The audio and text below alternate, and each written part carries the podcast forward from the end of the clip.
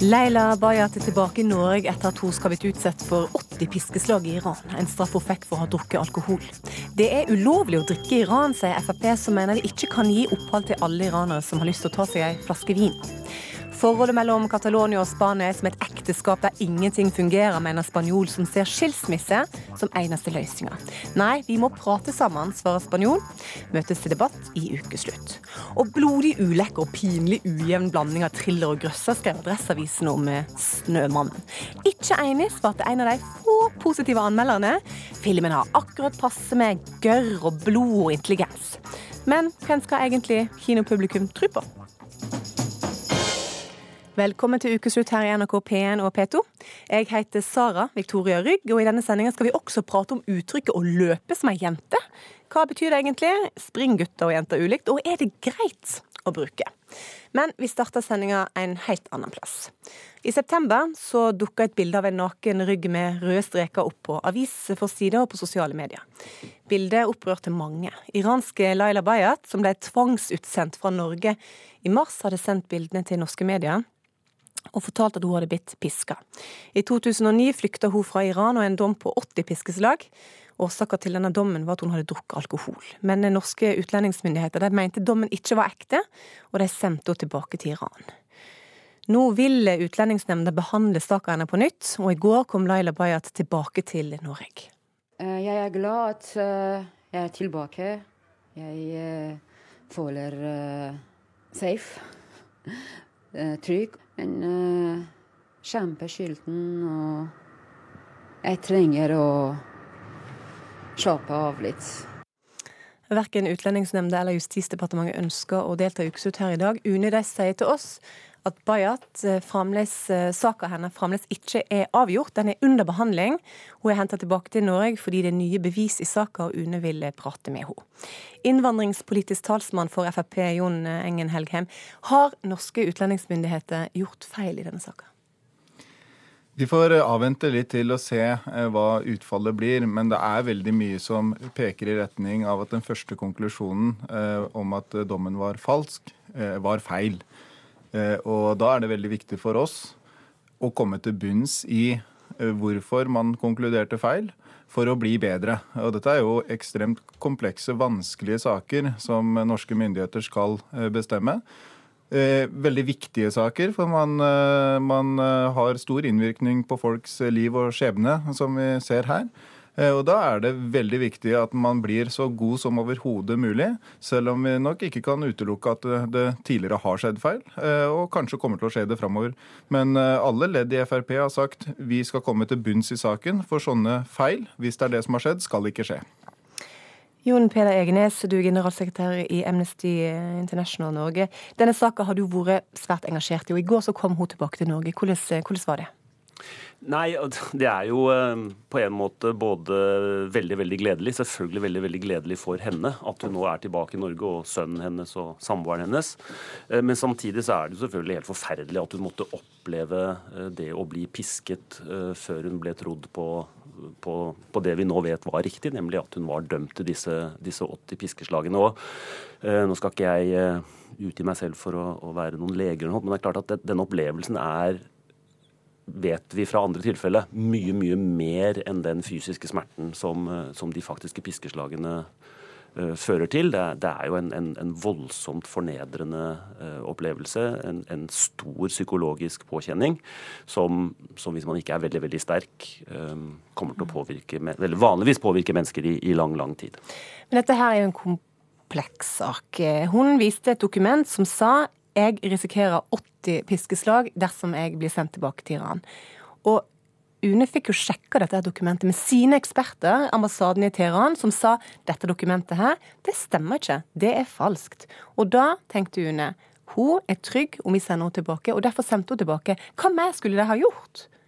De skulle uh, ha gjort det vi og flere andre oppfordret dem til i mars Og det var i den situasjonen vi var da, å la tvilen komme Leila Bayat eh, til gode. Fordi at ja, det var noen, vi vet ikke hvem de var, men det var noen ved ambassaden, enten ved ambassaden eller kontakter ambassaden har i Teheran, som sa at disse papirene er falske. Men det var veldig eh, kvalifiserte mennesker i Norge, iranske advokater som også hadde vært advokater i Iran eh, før de kom som flyktninger til Norge osv., som sa at disse papirene virker absolutt ekte.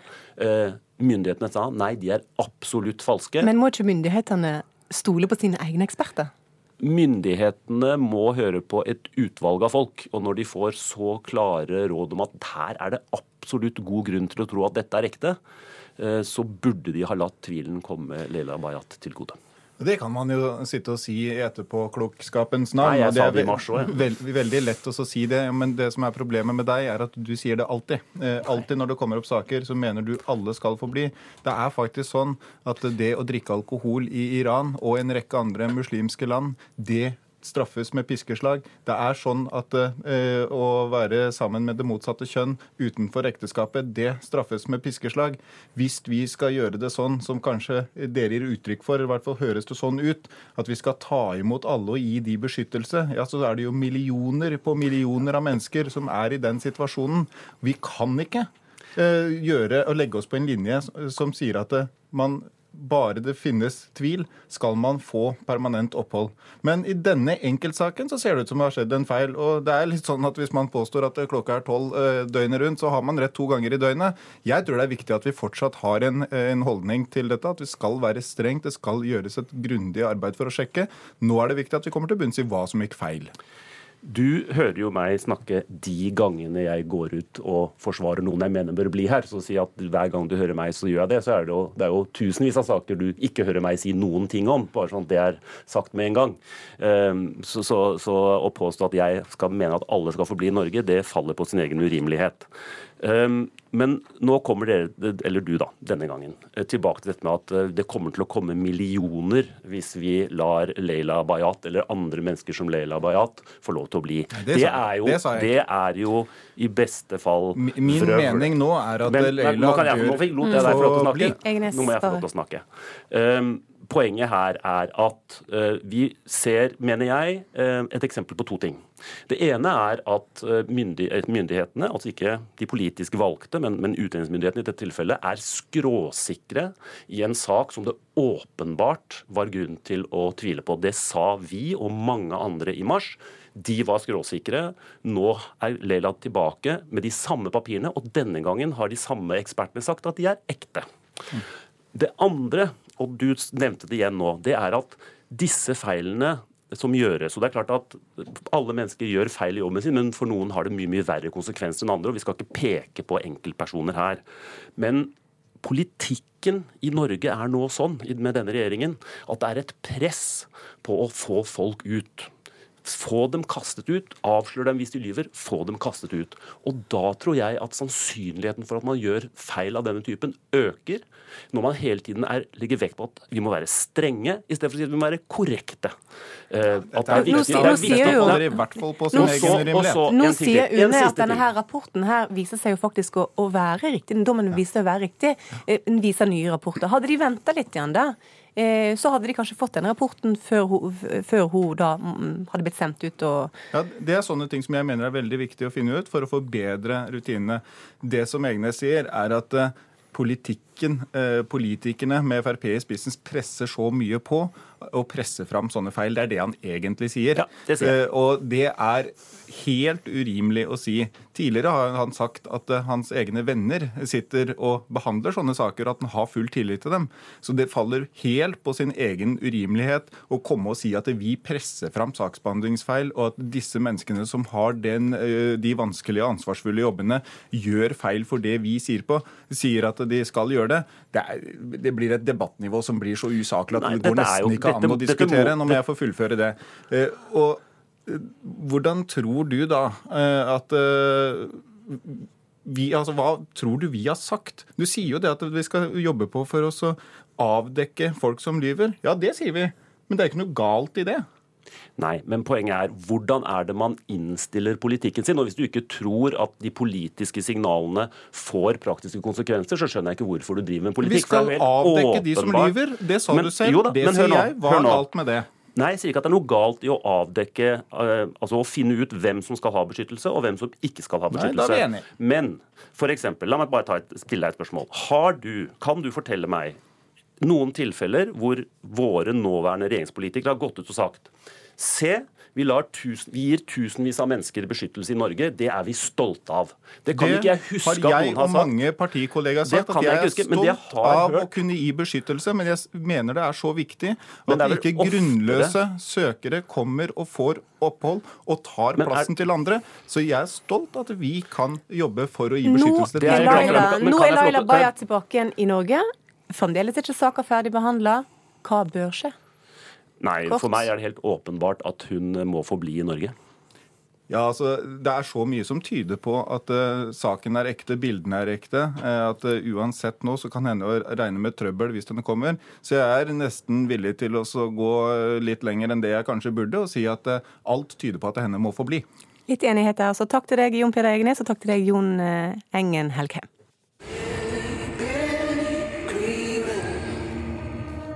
Calls himself the Snowman Killer.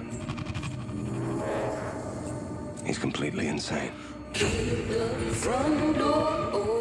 Den mye omtalte storfilmen 'Snømann' hadde verdenspremiere i går kveld og har fått totalslakt av stort sett alle anmelderne. Kommentarer som 'fullstendig nedsnødd' og 'blodige ulekker' har stått med store bokstaver overalt. Reporter Karoline Tollefsen på Ringen kino i Oslo, du står i popkornduft omringa av filmentusiaster, kan jeg tenke meg. Sola den skinner ute i hovedstaden i dag. Er det sånn at det er noen som har flytta seg inn i kinomørket for å se film om snømenn i dag?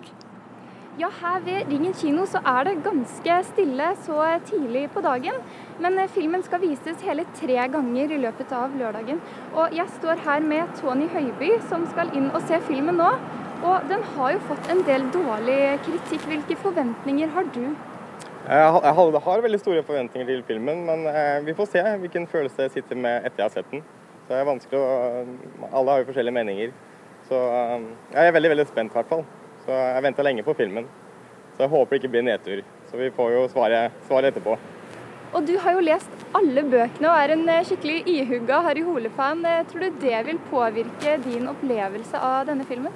Ja, for det er jo mye som eh, I hvert fall forholdet mellom Rakel og Harry Hole og sånn kommer jo veldig tidlig, tidlig, i bøkene.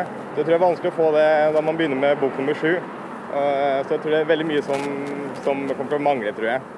Så eh, ja, det blir veldig spennende. Se hvordan de har, hvordan de har knytta det sammen. Det er en del forhold der som, som, er vanskelig å få til når man hopper rett inn i, inn i storyen da, når man har lest bøkene. Så ja, vi får se. Og når du skal inn og se nå, blir det popkorn? Nei, det blir ikke popkorn. Jeg har akkurat spist frokost, så det blir null popkorn. Ja, tusen takk, Tony. Ja, da setter vi over til studio fra Ringen kino. Takk til deg, Karoline Tollefsen. Kos deg på kino, da. Terje Eidsvåg, du er filmanmelder i Adresseavisen, og ifølge deg sjøl så var du den første i hele verden som anmeldte Snømannen. Du starta på slakterunder. Eh, du ga den en toer. Hvorfor lander du på en toer? Fordi at det er en eh, langt på vei mislykka film, både som krimfilm og thriller. Eh, den er ikke uten underholdningsverdi, eh, men eh, jeg syns han i kinokøa oppsummerte for så vidt ganske godt uten å ha sett den. Forholdet mellom Rakel og Harry er det vanskelig å skjønne noe som helst av hvis man ikke har lest mange av bøkene. Og forholdet mellom personene, spenninga, utporsjoneringa av alle de her groteske drapene, det henger ikke godt nok sammen, rett og slett. Altså. Så det er, en, eh, det er, ikke det at filmen eh, ikke er tro nok mot boka som er problemet. Problemet sånn som jeg ser det, at filmen ikke er for lite trofast mot filmen som fortellende medium. Mm. Einar Aarvik, du anmeldte filmen for Filmmagasinet, og du triller terningkast fire, så du likte med andre ord ja, det er et av de mest sånn kontroversielle terningkastene jeg har kasta noensinne, åpenbart. Ja, for alle var litt sånn to, elendig, og du bare nei, nei, dette er ikke så dårlig. Ja, jeg koste meg, og jeg ser, altså jeg har jo lest anmeldelsene, jeg, jeg er enig liksom langt på vei med uh, svakhetene i filmen. Det er, uh, det er hendelser og mennesker og situasjoner som dukker opp, og som bare forsvinner ut uten å liksom uten at, altså Det er baller som kastes opp i lufta, da. Uh, men som ikke blir tatt uh, særlig imot sånn mot, mot slutten. Allikevel så koste jeg meg. det er noe med regissør Thomas Alfredssons unike blikk for detaljer, for spenningsoppbygning, for stemninger. En sånn iskald Oslo-følelse, spektakulære bilder av, av Norge osv. Så, videre. så for meg så ble de detaljene der såpass hyggelige da, at, at jeg så forbi eh, noen svakheter. Og det er også svakheter som på en måte ligger litt i forelegget også, da. Men jeg, jeg endte i hvert fall opp med en, en firer. Terje Eidsvåg, eh, var det kanskje det at man har, har så høye forventninger til denne filmen her? At man bare blir så skuffa, eh, og derfor triller to? Eh, jeg tror egentlig ikke det, for min del i alle fall. Eh, jeg hadde jo mest forventninger til Thomas Alfredsson, mer enn til historien til, til Jo Nesbø, som jeg ikke har noe sånn sterkt intenst forhold til. Men jeg opplever vel kanskje her at Aarvik er en slags advokat som forsøker å gjenoppta en sak hvor domfelte åpenbart er skyldig, selv om det sikkert var noen formildende omstendigheter underveis. Og det er jeg jo enig i. Selvfølgelig, fotograferinga er flott, eh, bildene av Norge er flott, eh, men eh, det er opplagt når man lager film for mange hundre millioner kroner. Og jeg tror mange nordmenn Jeg tror filmen vil underholde nordmenn mye mer enn folk i resten av verden, fordi at vi liker å se på oss selv, og den har en, under, den har en underholdningsverdi, vil jeg påstå, selv om den ikke er god. Ja, nei, jeg, ser på dette som en ganske tradi altså en tradisjonell eh, thriller. Eh, som, er, eh, som funker godt på stemningsnivået. og som er liksom fulgt opp av lekre, flotte detaljer. altså Den er helt klart ikke uten svakheter. Samtidig så må man huske å liksom legge litt grann av skylda på Jo Nesbø her eh, også. Altså, eh, det er en film som blir på en måte blir, altså Detaljene blir gått løs på. Eh, det ingen tar for seg, er liksom premisset. da, At det går en gal, iskald, beregnende seriemorder rundt omkring i Norge og Oslo og lager snømenn utenfor de han liksom dreper sånn by numbers, litt sånn uh, Agatha Christie-style. Det er jo veldig, veldig ute. Det premisset synes nesten alle å, å bare godta. Eh, jeg tenker Når man godtar det, da kan man godta det andre rusket i eh, filmen også. Anmelderne er altså uenige om denne filmen. her. Brita Møystad, du har jobba med eh, og anmeldt film i en årrekke. Hva mm. betyr egentlig anmelderne sin dom? Altså terningkastet? Eh, ja, du, i gamle dager Mens vi fremdeles skrev på maskiner og sånn, på, på skrivemaskin, eh, så er det jo klart at det, den den uh, lokale anmeldelsen var uh, viktig, fordi uh, For det første det tok det tid før f.eks. amerikanske filmer kom til Norge. og det tok tid før vi fikk vite hva amerikanerne hadde ment. sånn at det noen av de store, da, de eh, erfarne, noen av de gamle, sånn som Per Haddal og Jon Selås og Pål Bang-Hansen, eh, var jo svært viktige stemmer, ikke når det bare gjaldt film, men også formidlingen av filmkritikk. Fordi den ikke bare handlet om følelsen man har der og da når man ser filmen, men det å sette filmen i en eh, større sammenheng. Eh, og å være villig til å bruke den eh, mangeårige kunnskapen man har eh, men, om film. Men Brita, i dag da når vi snapper og tvitrer og uh, knapt leser en avis, uh, mm. hva mhm. betyr den terningkasten? Du, altså For fansen, uh, la oss si Star Wars-fansen, som åpenbart allerede har ligget ute en uke eller noe sånt mens de venter på billettsalget, så vil f.eks.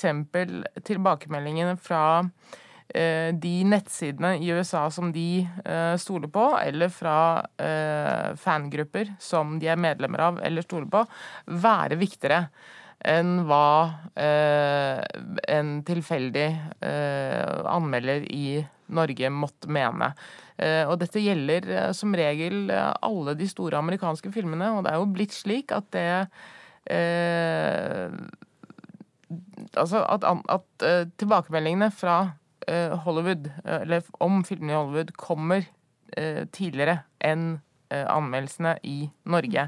Og da blir det som skrives på norsk om store amerikanske filmer, blir helt irrelevant.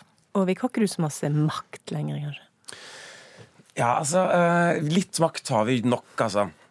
Eh, jeg så nå tallene for 'Snømannen' nå. Den har gått sånn, altså den har ikke hatt en, en åpningshelg ennå, men den har gått på kino tilsvarende en helg. da. Den er sett av 50 000 mennesker. Uh, 'Hodejegerne', som det er naturlig å sammenligne med, uh, den ble sett av 100 000 mennesker i åpningshelgen. Og det var en film som uh, utelukkende omtrent fikk høye terningkast. da. Uh, og jeg velger å tro at uh, liksom yatzyen i Tore har uh, hatt noe å si for besøket. Ja, Terje, Eidsvåg, er det du som har rett og slett skremt folk fra å gå og se denne filmen? Nei, det tror jeg ikke. Jeg tror mange vil se det i Norge. Og så er jeg nok veldig skeptisk til dens uh, mulighet til et stort gjennomslag uh, internasjonalt. Men i Norge så tror jeg den filmen her kommer til å bli en stor slager. Men det er jo viktig å huske at anmeldere eller anmeldelser har ulike funksjoner for ulike typer filmer. Jeg tror f.eks. at Iram Sakkes eminente film som går på kino nå, har fått et veldig løft pga. de gode anmeldelsene. Og vi kan jo Det lages utrolig mye film for tida. og i den store offentlige samtalen eh, om film, hvis vi skal snakke om noe annet enn de store blockbusterne, eh, så er faktisk anmeldelsene eh, kanskje vel så viktige som før, for ellers så er det drukne de fleste filmene faktisk i strømmen. Ja, men ja, altså, når det gjelder produksjonen av norsk film, så er jeg absolutt enig i at det, det norske anmeldere måtte mene om dem, er svært viktig. Det man kan savne, er jo selvfølgelig kanskje større plass. Eh, til eh, filmanmelderne, sånn at de rekker å lage både begynnelse, og midt og slutt på argumentene sine. Eh, og men, men, denne fantasien som norsk film fremdeles vandrer rundt med, da, om at det hver eneste film vi lager skal før eller siden havne i eh, Hollywood eller i en eh, remake i Hollywood, det er det svært få filmer som gjør, og det er svært få regissører som er i stand til å også klare å gjennomføre det. Det er jo bare en, en håndfull. Det er svart, det er uh, gutta, Caribbean-gutta. Mm. Og mm. det, Men ja. bare mm. helt kort til slutt nå. Dersom jeg får meg en frikveld og skal ta mannen med ut på kino, skal jeg lytte til eh, deg, Terje Eidsvåg, på toeren, eller skal jeg lytte til deg? Ja, skal jeg se filmen? du leser anmeldelsene, og så gjør deg opp en mening om dere tror det her er noe for dere. Og så spørs det hva slags type stemning dere er for den, kvelden, for den kvelden. Vil dere både le av og riste litt på hodet, men se hvordan det er som alle snakker om er, så, så vil dere sannsynligvis gjøre lurest i å høre litt på begge. Kan du ikke, kan du ikke høre litt på meg, ja? jo, jeg kan, vi skal høre på alle. Du kan, du, kan, du kan bli hjemme og se Mindhunters på Netflix. Det er mye billigere. Takk til deg, Brita Møystad. Takk til deg, Einar Aavig og Terje Eidsvåg på, du hører på Ukeslutt her i NRK P1 og P2. Halv fram med det og hør at denne veka så åpna Stortinget med pomp og prakt. Og vi, vi prater med ferskingene. I går ettermiddag så var jeg i treningsstudio og løp på tredemølla. Så kommer Jonas Gahr Støre og løper på mølla ved sida av meg. Man må klype seg sjøl litt i armen. Og er det greit å si han løper som ei jente? Nei, ifølge pappa og politiker som langer ut mot TV 2 ba de slutte å kødde med dattera sin sjøltillit. Slutt å være så hårsår, svarer kvinne. Så er de altså i gang igjen, stortingspolitikerne. Denne vekna, veka åpna kong Harald Norges 162. storting. For de faste traverne så er det kanskje ikke like stort lenger, men reporter Kari Li hun møtte nykommere som uh, følte det var både bursdag og julaften på én og samme dag. I går ettermiddag så var jeg i treningsstudio og løp på tredemølla. Så kom Jonas Gahr Støre og løper på mølla ved sida av meg. Så det, um, man må klype seg sjøl litt i armen. Å dele trimrom med toppolitikere hun tidligere bare har sett på TV, er noe Marit Knutsdatter Strand fra Valdres må venne seg til nå. Det er helt utrolig stas. Jeg har vel egentlig sagt at det er drømmejobben.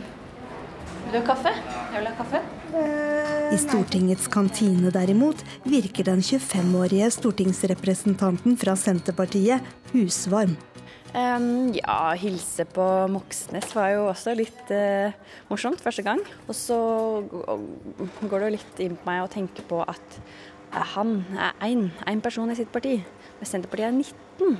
Plutselig blir idyllen brutt. Og det er ikke lov å si det her. Stortingsrepresentanter har ikke lov til å la seg intervjue i kantina på Stortinget. Ah. Vi må flytte oss. Ja. Ja. Ja. ja, men da går vi. Hva vet du om uh, Stortingets etikette, da? Nå har vi jo lært at vi ikke skal sitte i kantina og gjøre intervju. ja. Eh, det der med eh, klesvalg. Så nå blir det liksom blazere og mer sånn oppdressa.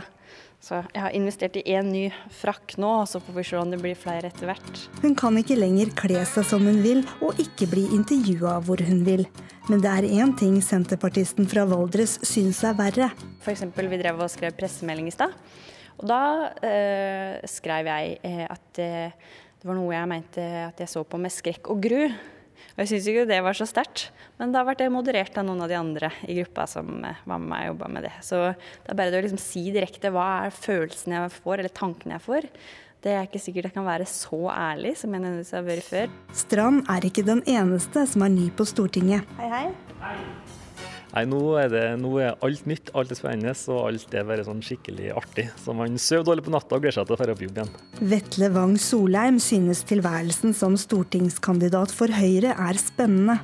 Vervet har endra livet til 24-åringen fra Smøla på flere felt. Altså, Mailboksen har òg fått en, en, nytt oppsving etter, denne, etter det jeg inntok til vervet her, for å si det sånn. Det var, før var det mye sånn ja, nå er det tilbud på XXL og sånn på Zalando og litt sånn spam her og der. Nå er det, eh, det er litt annet nivå. Hva er det du får da? Nei, altså her om dagen fikk jeg beskjed om at uh, din invitasjon til Hans Majestet Kongens uh, middag for stortingsrepresentantene lå i, i posthylla di, uh, så den kan du nå hente. Klart at det å få en invitasjon fra Slottet, jeg må møte på Slottet det gleder jeg meg kjølig til.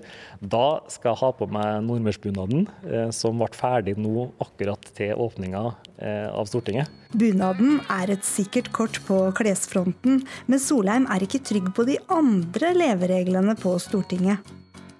Nei, Det jeg er aller mest redd for, er jo egentlig for det første å ikke gjøre det man skal til de skrevne reglene. Men, men det kan man måte rette opp i. altså Det er jo bare en tabbe.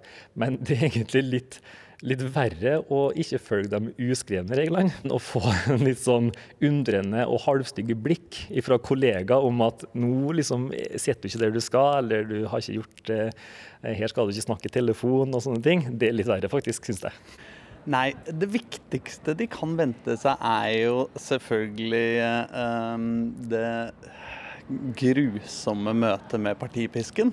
Aslak Borgersrud, også kjent som Slasken på tinget, er politisk kommentator i Dagsavisen. Han spår de nye stortingspolitikerne en ikke altfor lys framtid. Når de skjønner, når det går opp for dem sakte, men sikkert at all, all idealismen deres, alle de sakene de virkelig kjempa for da de var unge og, og friske, liksom blir vaska vekk, og de blir, nødt å bøye seg for en eller annen forhandling i et eller annet utvalg, og dermed er nødt til å stå for noe de virkelig ikke mener. Men det pleier å gå såpass sakte og forsiktig at det ikke er sikkert at de merker det sjøl. Sånn at hvis jeg skulle gi et råd til unge stortingsrepresentanter, så måtte det være å ta nå helt i starten av sin stortingskarriere og skrive ned på en lapp ikke sant? hva det virkelig er de mener her i livet. Og så ramme den og så gjemme den et eller annet sted inni en safe eller et eller annet sånt. Så ikke ha noen forhåpninger om å få til eh, noe idealisme her inne? Nei, altså, De som virkelig lykkes i politikken, det er jo de som greier å stå litt imot ofte, da. Eller de som, de som greier å nå ut til folk. Så jeg tror det lønner seg da, å finne fram sine gamle krav litt innimellom og kjenne på dem og tenke OK, det var derfor jeg ble valgt inn. Stemmer det? Ja. Mange ringer Strand nå som hun er folkevalgt og vil påvirke. Ja, flott. Takk. Greit. Ha det godt. Er det da lett å bli en kjedelig politiker? Jeg håper ikke jeg blir det. Jeg håper jeg fortsetter å være ærlig og tydelig. Og jeg kommer i hvert fall ikke til å slutte å være meg sjøl. Jeg er jo valgt inn for den jeg er. Så da vil jeg fortsette å være meg sjøl. Spania står i den største politiske krisa landet har sett på mange år. Det står hardt mot hardt mellom den spanske staten og regionen Catalonia, som vil løsrive seg. Torsdag denne veka var det Spanias nasjonaldag, og medan heimlandet er i krise, så inviterte den spanske ambassadøren i Norge til fest for spanjoler her. Ja, det er glad fordi vi skal se våre venner som, som vi kommer her og ferie nasjonaldag. Ja. For oss er det spesielt, ja. Det er det. Det er lett stemning i køen utenfor den spanske ambassadørresidensen like ved sjøen på Bygdøy. Det er nasjonaldag, og spanjoler som bor i Norge har pynta seg til fest. Gamle kjenninger hilser på hverandre i køen, og champagneglassene er klare til bruk. Men bak finstasen lurer alvoret. Heimlandet er i krise, og det store spørsmålet er skal Catalonia løsrive seg fra Spania? Jeg tror det, de skal ikke. Jeg er helt mot at Catalonia skal være selvstendig. Catalonia er en region nordøst i Spania, som grenser til Middelhavet og Frankrike. Hovedstaden er Barcelona.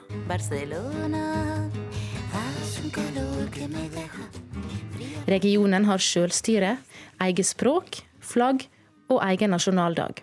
Og egen nasjonalsang.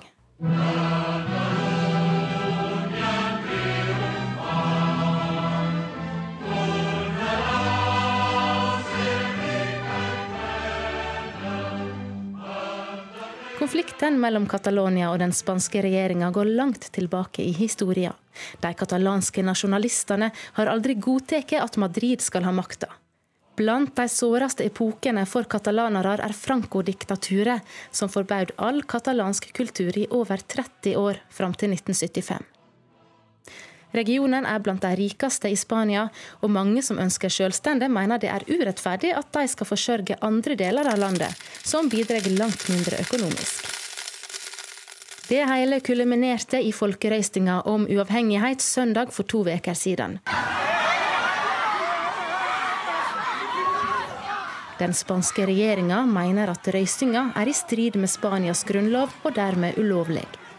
Og da regjeringa sendte inn nasjonalpolitiet, som skjøt med gummikuler og drog folk med makt ut fra valglokalene, var krisa total.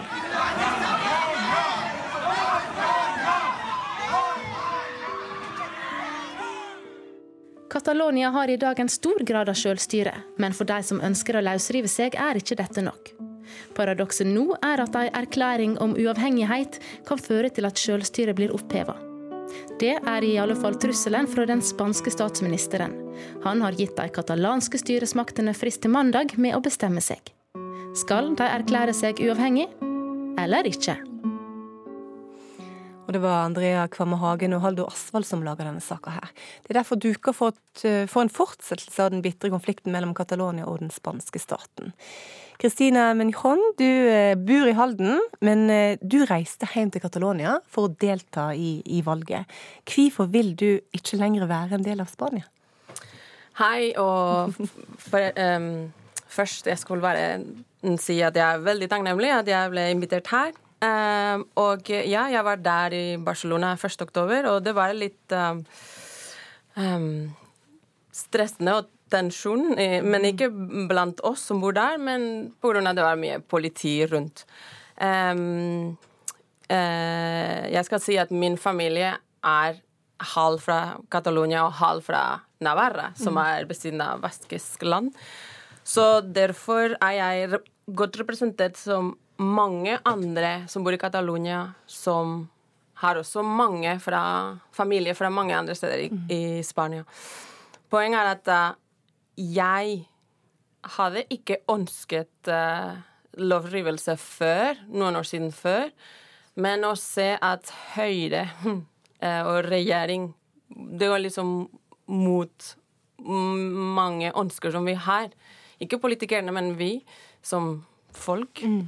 Um, så da er det som at uh, når de har prøvd med dialog og kommet til en konklusjon eller enighet mellom begge to partner, men fungerer ikke, da må vi bruke det siste mulighet, som er å lovrivere seg. Mm. For Du sier at dette er som et ekteskap som ikke fungerer. Det er ingen dialog, det er ingen god kommunikasjon. Hva, hva gjør man da? Og det er det som er et veldig interessant spørsmål, for jeg bruker også den parallellisme, og det er at uh, uh, når du kan ikke ha din egen eget identitet uh, Når du føler deg trygg, eller um, Ja, du føler at det trykker deg ned, at du kan ikke vokse som du ønsker, at du kan ikke bli bedre. Du kan at hver gang at uh, du bestemmer deg i parlamentet i Catalonia det og det og det, at det blir uh, kansellert av annullert i Spania, så Så det er som Jeg vil være gift med deg, men Nei, du kan ikke være som du vil. Så og da er det skilsmisse som er er eneste måten. Ja. Eh, David Fernandes, du er spansklærer, og du bor i Drammen. Du har bodd i Norge i tolv år. Eh, Du sier at nei, skilsmisse er ikke riktig. Her må vi snakke sammen. Det må dialog til. Ja, jeg har, hei, god dag til alle, alle sammen. Eh, den eh, begrunnelsen med det ekteskap som jeg har hørt mange ganger, og jeg synes også det er en ganske god eksempel. For det selvfølgelig det er lov med skilsmisse, men en person kan ikke bare dra. Det er, spesielt hvis du har unger. Det er med obligatorisk med mekling.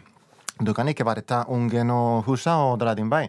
Du må ha en dialog og, og ønsker hvordan det er sett. Den dialog har jeg ikke eh, sett, og den eksempel ligger denne uka når de ser virkelig selvstendighet, og når vi begynner å dialogere. Det er ikke noen måte å dialogere sånn Jeg tar ungen, huset og bil, så nå kan vi eh, ha en dialog. Det er ikke noe dialog der når du allerede har kommet med en bestemmelse.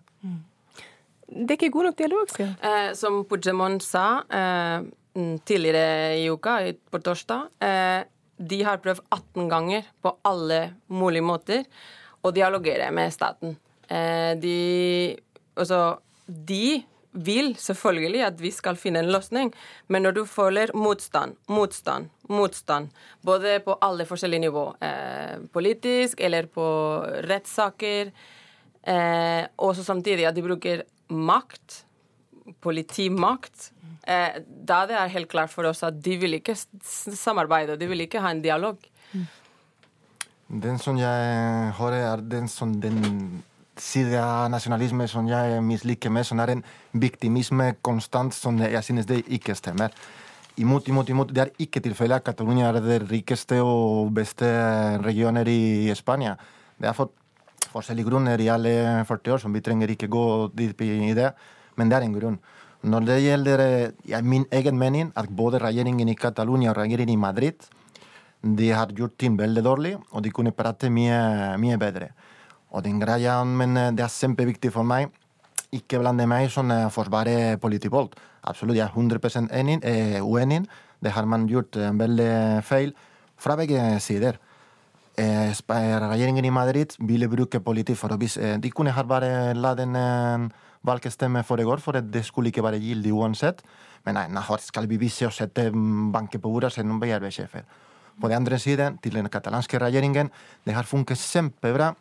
Og her er nå er det en eh, skade for å se jobber med victimisme enda mer. Og politikere. det var vanlige folk som uh, fikk skade. Jeg så ikke så mange politikere Puigdemont, som nå er den store leder. Han ble igjen på en bil til han kunne stemme en rolig og i, i fred. Jeg synes det er forferdelig å bruke mennesker som egen uh, sjøl. Men, men dette her er et tema som skaper ekstremt masse engasjement. Folk er sinte på hverandre. Dere er venner, men har nesten litt trøbbel Nå holder dere hverandre i hånda, men dere har nesten litt trøbbel om å snakke med dette her. Blitt nesten litt uvenner pga. dette temaet. Ja, kan, jeg fortelle det? For vi er, ja, sammen vi vi har jobbet som spansklærer. Vi kjenner hverandre nå en del år siden fra de organisasjonen Spanske lærer. Og vi liker hverandre godt, vi er gode venner, men vi er veldig uenige i noen tid, Og det er Facebook som har vært den, den ting. Vi har hatt noen eh, debatter i forskjellige Facebook-tråder, ganske engasjert. Og det har kommet, vi er fortsatt eh, venner på Facebook. Men jeg slutter å følge Kristin av og til, for hun publiserer så mange ting som provoserer. Og jeg vil ikke at noe så dumt som Facebook skal eh, ødelegge en vennskap. Men eh, jeg eh, venner som har fjernet meg fra Facebook eller andre. Ja, eh, vel, eh, for å for de som kan ikke se hva vi har gjort på Facebook, det å provosere, f.eks., det var bare å dele på eh, den ampe-gruppe som er lærer, spanske lærere i Norge, en video om politimakt, f.eks. Så mm, de er så uenige at det er, det er så også det, det kommer fra så mange år og hundre år siden. At det er veld, også det er så mange nyanser. Men hvis dere to som er i utgangspunktet gode venner, til og med blir litt sånn ah, sinna og frustrerte på hverandre, hvordan skal, da, hvordan skal det da finnes en løsning på dette her? Den alle sammen ser fra sin egen eh, mening. Jeg er, den koblingen som jeg har med Catalonia, er for jeg er fra Valladolid i Castilla, i León.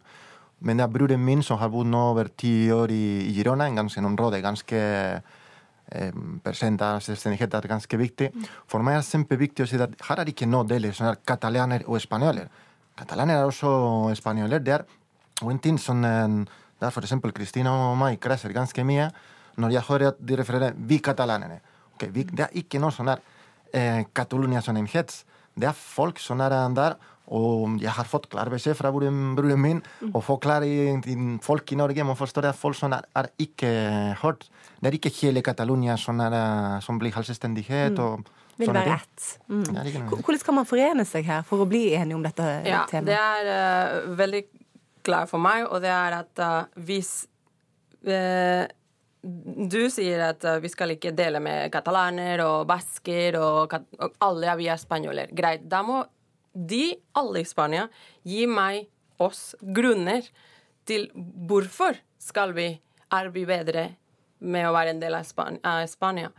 For i forhold til alt jeg vet, økonomisk, politisk, eh, kulturell Vi kunne ha vært som Norge. Vi, er også, vi har også syv millioner, og vi er også en rik fylke. Og vi har gode høyskoler, alt mulig. Vi, helse er på topp. Men jeg syns at uh, Hvor ligger problemet, da? Men- men- Så, så rett og slett god kommunikasjon og respekt for hverandre, da Mm. kan man kanskje enes. Takk for at dere kom i studio, David Fernandes og Kristine Menjon. Å løpe som ei jente, uttrykket, det har fått litt oppmerksomhet denne veka etter at en fotballekspert på TV 2 fortalte at, eh, på TV at kona hadde reagert på en spiller i Manchester City som hadde litt eh, spesiell løpeteknikk. Hun sa at han løp som ei jente, eksperten fortalte det til de andre i studio, og så lo alle karene godt. Dette skapte debatt på sosiale medier, og flere mente at det var uhørt av TV 2 å bruke sånt uttrykk. Men hva betyr det egentlig å løpe som ei jente? Ukeslutt spurte barna. Det er egentlig bare å, det er å prøve det. Hvis man ikke får det til, da er det lurt å bare prøve igjen og igjen helt til man klarer det. Mm, det betyr ingenting. Det betyr bare å løpe. Mm, dårlig. Dårlig. Ja, Hva betyr det å kaste som en jente, da? Um, dårlig. Mm, det betyr jo på en måte bare å kaste. Jeg syns begge to er like best. Um, like bra. Pål Hafstad Thorsen, du er byråd for barnehage, skole og idrett i Bergen, og du representerer Arbeiderpartiet. Du ble så oppgitt over kommentaren på TV 2 at du skrev et innlegg i Bergenstiden der du, der du ba TV 2 slutte å, og da siterer jeg deg, kødde med sjøltilliten til dattera mi. Hvorfor ble du så opprørt? Nei, altså Det handler jo om at jeg eh, som eh, TV-seer eh, og at jeg så TV 2-sporten der, både ble opprørt over at de Jeg opplevde det som en nedsettende sjargong. eh, Omtalte, omtalte denne fotballspilleren som at han løp som en jente, og at han hadde en feminin stil. Jeg syns det i utgangspunktet var, var negativt eh, ladet mot, eh, mot Raheem Sterling, som er fotballspiller for Manchester City. Men så kjente jeg også at jeg ble skikkelig forbanna på vegne av datteren min og på vegne av andre jenter som løper og hopper og kjemper og slåss hver eneste dag. Og jeg vil at de skal få en anledning til å utvikle seg uten merkelapper eller fordommer eller det som jeg mener er gammeldagse stereotypier. Da. For jeg mener at hvilke ord vi velger å bruke, bevisst eller ubevisst, det er veldig interessant. Eh, Språket vårt uttrykker holdninger, og jeg mener at både politikere og media det er viktig at vi er bevisst, eh, bevisst språket vårt. Fordi at eh, barna de speiler seg i handlingene våre, og nettopp derfor så skal vi være gode forbilder som, som er tydelige på at vi ikke skal henge noen merkelapper på dem fra, fra tidlig alder. Hva betyr dette uttrykket for deg? Nei, for meg så eh, betyr det faktisk ingenting. Jeg skjønner egentlig ikke betydningen av det. Men jeg aner noen, eh, noen eh, stereotypier og noen tanker bak dette som redaksjonen i TV 2 eh, lot slippe til på, på sportssendingen sin, som jeg ikke syns noe særlig om. det. Eh, For min del så løper og hopper og spretter min datter og andre jenter og kvinner rundt meg akkurat på samme måte som menn, så jeg skjønner det ikke. Men jeg opplever det nedsettende i den settingen. Da skal jeg bare si at TV 2 eh, har vi invitert til debatten her i dag. De ønsker ikke å delta i dag, men de har lagt seg paddeflate tidligere og sagt at den type uttrykk skal vi ikke bruke på TV 2, bare som det er sagt. Student eh, Henny Firing Hansen, du har engasjert deg offentlig i likestillingsdebatten ved flere høve. Eh, Og du er ikke så uroa over dette her begrepet å løpe som ei jente. Hvorfor ikke? Uh, nei, jeg skjønner jo først og fremst problematikken som Pål tar opp. For at uh, ja, språket vårt det uttrykker veldig mye uh, av det vi mener. Men samtidig så syns jeg at eh, det han har tatt opp, det er å være litt hårsår eh, og angripe veldig en veldig stor debatt som handler om likestilling i utgangspunktet, på en feil måte. Um, og jeg syns at uh, vi må ha en såpass toleranse for bruk av uh, sånne typer. Hva betyr uttrykket for deg? Uh, nei, uttrykket betyr egentlig ikke noe særlig stort for meg. Jeg har egentlig aldri blitt konfrontert med det type uttrykket før. og har egentlig aldri sett på det som et problem, snarere tvert imot mer en morsom og humoristisk måte, egentlig. Det er ikke noe mer enn det. Pål Hafstad Thosen, er du litt hårsår på vegne av datteren din? Vet du hva, Det er nesten ikke et hår på hodet mitt, så jeg finnes ikke hårsår. Men det jeg kan si, det er at, at eh, jeg som byråd for barnehage, skole og idrett i Bergen har hatt en veldig viktig rolle. Både når det gjelder å få jenter mer fysisk aktive, få de til å være mer aktive i idrettsbevegelsen vår, eh, men også fordi at jeg vet at vi trenger flere kvinner til å ta trener- og lederroller generelt eh, i idretten. Og Sånn sett så blir min irritasjon her det blir en del av et større bilde. Fordi at det vi vet, det er at vi sliter med å få jenter i tenårene, og jenter som er minoritetsjenter spesielt, til å være mer fysisk aktive. Og Samtidig så vet vi at akkurat i tenårene, når puberteten blomstrer, kroppen i endring, jentenes selvbilde selvtillit utfordres, det er akkurat da at gammeldagse stereotypier, fordommer og merkelapper er ødeleggende i det veldig viktige arbeidet vi gjør for å for å få jenter til å løpe, hoppe, kjempe og slåss med en selvtillit eh, i bunnen. Og det er Da jeg tenker at da, da er det greit å ta et lite oppgjør med TV 2 og en sjargong som jeg overhodet ikke syns er OK, fordi at jeg da får en anledning til å snakke om noe større også. Og det er om kvinner og jenters rolle i idrettsbevegelsen. Henny Fyring Hansen, vi hørte jo her de barna som uttalte seg. Noen sa det at det betydde bare å løpe, det. Mens det var noen små gutter som sa det betyr at de løper dårligere enn oss guttene. Mm. Er det det vi ønsker at uh, små barn skal kommunisere til hverandre? Og tenke om seg sjøl? Uh, eh, nei, jeg, jeg, helt, jeg, mener at nei, det er ikke det man ønsker å kommunisere til barna sine. Men så er det også sånn at det fins uendelig mange av sånne her typer sjargonger og formuleringer som man sikkert burde se på og kanskje ikke bruke. I hvert fall ikke eh, Som reporter så skjønner jeg godt at dette her kanskje er litt upassende. Eh, men disse formuleringene og uttrykkene vi daglig bruker, kanskje da noen bruker daglig eh, F.eks. at ah, du er mann, du kan ikke multitaske. Det er den samme type nedsettende mot et mann sitt kjønn. Men likestillingsdebatten handler altfor stor grad om at kvinnen er et offer, ikke sant? Og eh, det er det jeg mener er helt feil. Ja, Pål, må vi kanskje slutte å for si at du er ekstra dårlig på multitasking siden du er mann, eller du blir sikkert veldig veldig sjuk når du blir forkjøla fordi du er jo mann. Ja, altså jeg, jeg, jeg, skjønner hva Henny vil, vil, i retning av. og så Samtidig så tenker jeg at ja, altså språk er makt, og det betyr noe. Eh, den samfunnsdebatten vi for hadde i forbindelse med stortingsvalgene, og ordene og uttrykkene man bruker der, det har en betydning. og Sånn sett så kan vi også være flinkere til å, til å tenke oss om. da, fordi at Barn og unge de speiler seg jo i våre voksne eh, sine handlinger. Og, Nettopp derfor så syns jeg at det var en fin anledning for å arrestere TV 2 i noe som jeg mener de definitivt har et forbedringspotensial i. Eh, men da får jeg også en anledning til å løfte en, litt større debatt. da. Det er kvinner og jenters rolle i idretten, men også kvinners rolle i sportsredaksjonene. Altså, Media har jo et alvorlig problem fordi at det er så lav andel kvinner i sportsredaksjonene. Og jeg mener det også vil gjenspeile seg i den redaksjonelle vinklingen eh, mediehusene velger å ha, eh, og også i sjargongen de da eventuelt velger å ha i redaksjonene sine, som eh, tydeligvis i noen anledninger er akseptert. Da. Mm. Men alt det, alt det, du sier er jo helt riktig, at man skal jobbe for at det, også unge jenter får selvtillit rundt det å drive med idrett. Det er, det er helt riktig, og det er kjempeviktig. Men samtidig så er det sånn at den likestillingsdebatten vi fører i Norge i dag, ja, den har mye, hva man sier, har veldig mye å si. Eh, men så er det også sånn at eh, det er alltid kvinnen som blir malt som offeret for eh, en for dårlig likestilling. Og jo, det er kanskje sant, det, men ved å ta opp et problem sånn som du gjør nå, og reise det på den måten du gjør, som egentlig jeg ser på som en ganske bagatell, det er å male kvinnen til et enda større offer enn det det kanskje er, da. Jeg, jeg, er, helt uenig, det må jeg bare si. Og det interessante er at uh, jeg begynte jo denne debatten på Twitter. Og Den første Twitter-meldingen jeg la ut i en lang rant av irritasjon, uh, den har altså hatt en rekkevidde på 40 000. Og utrolig mange mennesker som har engasjert seg i debatten, spesielt pappaer, spesielt pappa, som på vegne av døtrene sine føler at det er behov for at noen på en måte gir uttrykk for at, at vi har et språk og vi har en del bilder og merkelapper som vi henger på unge jenter, som ikke er OK. da. Eh, og veldig mange Vi pappaer har være engasjert så seg i det. hårsåre. Vi, kan ikke, vi må være rausere i denne debatten her enn å gå på så detaljnivå i sjargonger. Jo, men du kan bruke en enkeltsak for også å eksemplifisere hvilken retning samfunnet vårt tar, f.eks. innenfor idrettsbevegelsen.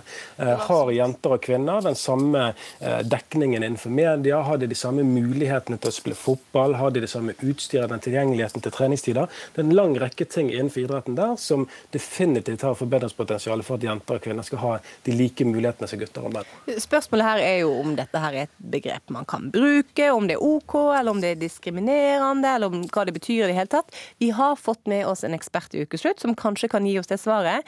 Eistein Enoksen, du er springekspert, får jeg nesten si. Du er professor ved Idrettshøgskolen. Du underviser våre beste løpere i eh, alt fra teknikk og, og den slags. eh, Både gutter og jenter, og du er på trening akkurat nå. Er det forskjell på måter gutter og jenter springer på? Nei, i utgangspunktet eh, så er det ingen forskjell på bevegelsesmønsteret til jenter og gutter. Eh, Jeg vil heller tolke det slik eh, i den debatten om selvbilde og selvtillit at eh, gutter løper like elegant og grafiøst som jenter. Jeg ville snu det litt den veien der, faktisk. Så, Ja, for vi kan ikke se noen forskjell på gutter og jenter i måten de løper på. Nei, nå har jeg har noen løpere som holder på på trening på idrettshøyskolen, og bevegelsesmønsteret er veldig likt. Man kan jo si det sånn at det dreier seg om å komme framover. Man eh, har et faseskiv, en svevfase og en landingsfase, og det er snakk om å skaffe seg en viss hastighet på løpingen. Så eh, Det kan være litt forskjeller i utførelsen når man observerer løpsbevegelser. Fordi man har litt ulike fysiske forutsetninger. Guttene har gjerne, En del gutter i hvert fall har litt eh, sterkere muskler. Og Det er forskjell på kroppsstørrelse, og det kan være forskjell på lengde på bein og armer. Og man kan være i en utvikling vekst, vekstmessig som gjør at man kanskje ikke alltid har like god styring på, armer og bein. Men alt kan trenes på og formes, og uh, i utgangspunktet så, så, uh, så, er, så på en måte den samme for gutter og jenter. Så da bare dropper vi hele det uttrykket, da? Ja, jeg tenker at La jenter løpe som jenter løper, og la gutter løpe som gutter løper. La Raheem Sterling i Manchester City få løpe akkurat som han vil, uten at det skal bli en nyhetssak. Men da tenker jeg at Da har vi jo et veldig godt utgangspunkt, og da, det er jo kjempebra at det er akkurat sånn som det du sier nå. Men eh, likevel så betyr jo ikke det at eh, man ikke skal være rause med hverandre i forhold til bruk av begrep og arrestere hverandre som et slags likestillingspoliti. Løp som du løper. Takk til dere, Pål Hafstad Thorsen, Henny Firing Hansen og løpeekspert Eistein Enoksen. Ukeslutt er over for i dag. Ansvarlig for sendinga var Jaran Ree Mikkelsen. Erik Sandbråten styrte teknikken, og jeg heter Sara Victoria Rygg. Kanskje skrudde du akkurat på radioen din nå og tenkte nei, der gikk jeg glipp av ukeslutt, gitt. Ikke Ottas. Du kan høre oss enten som podkast eller i NRK nettspilleren akkurat når du vil. Og du må gjerne sende oss en eh, mail med tips eller tilbakemeldinger. NRK eh, Ukeslutt når du på ukeslutt at nrk.no. God helg!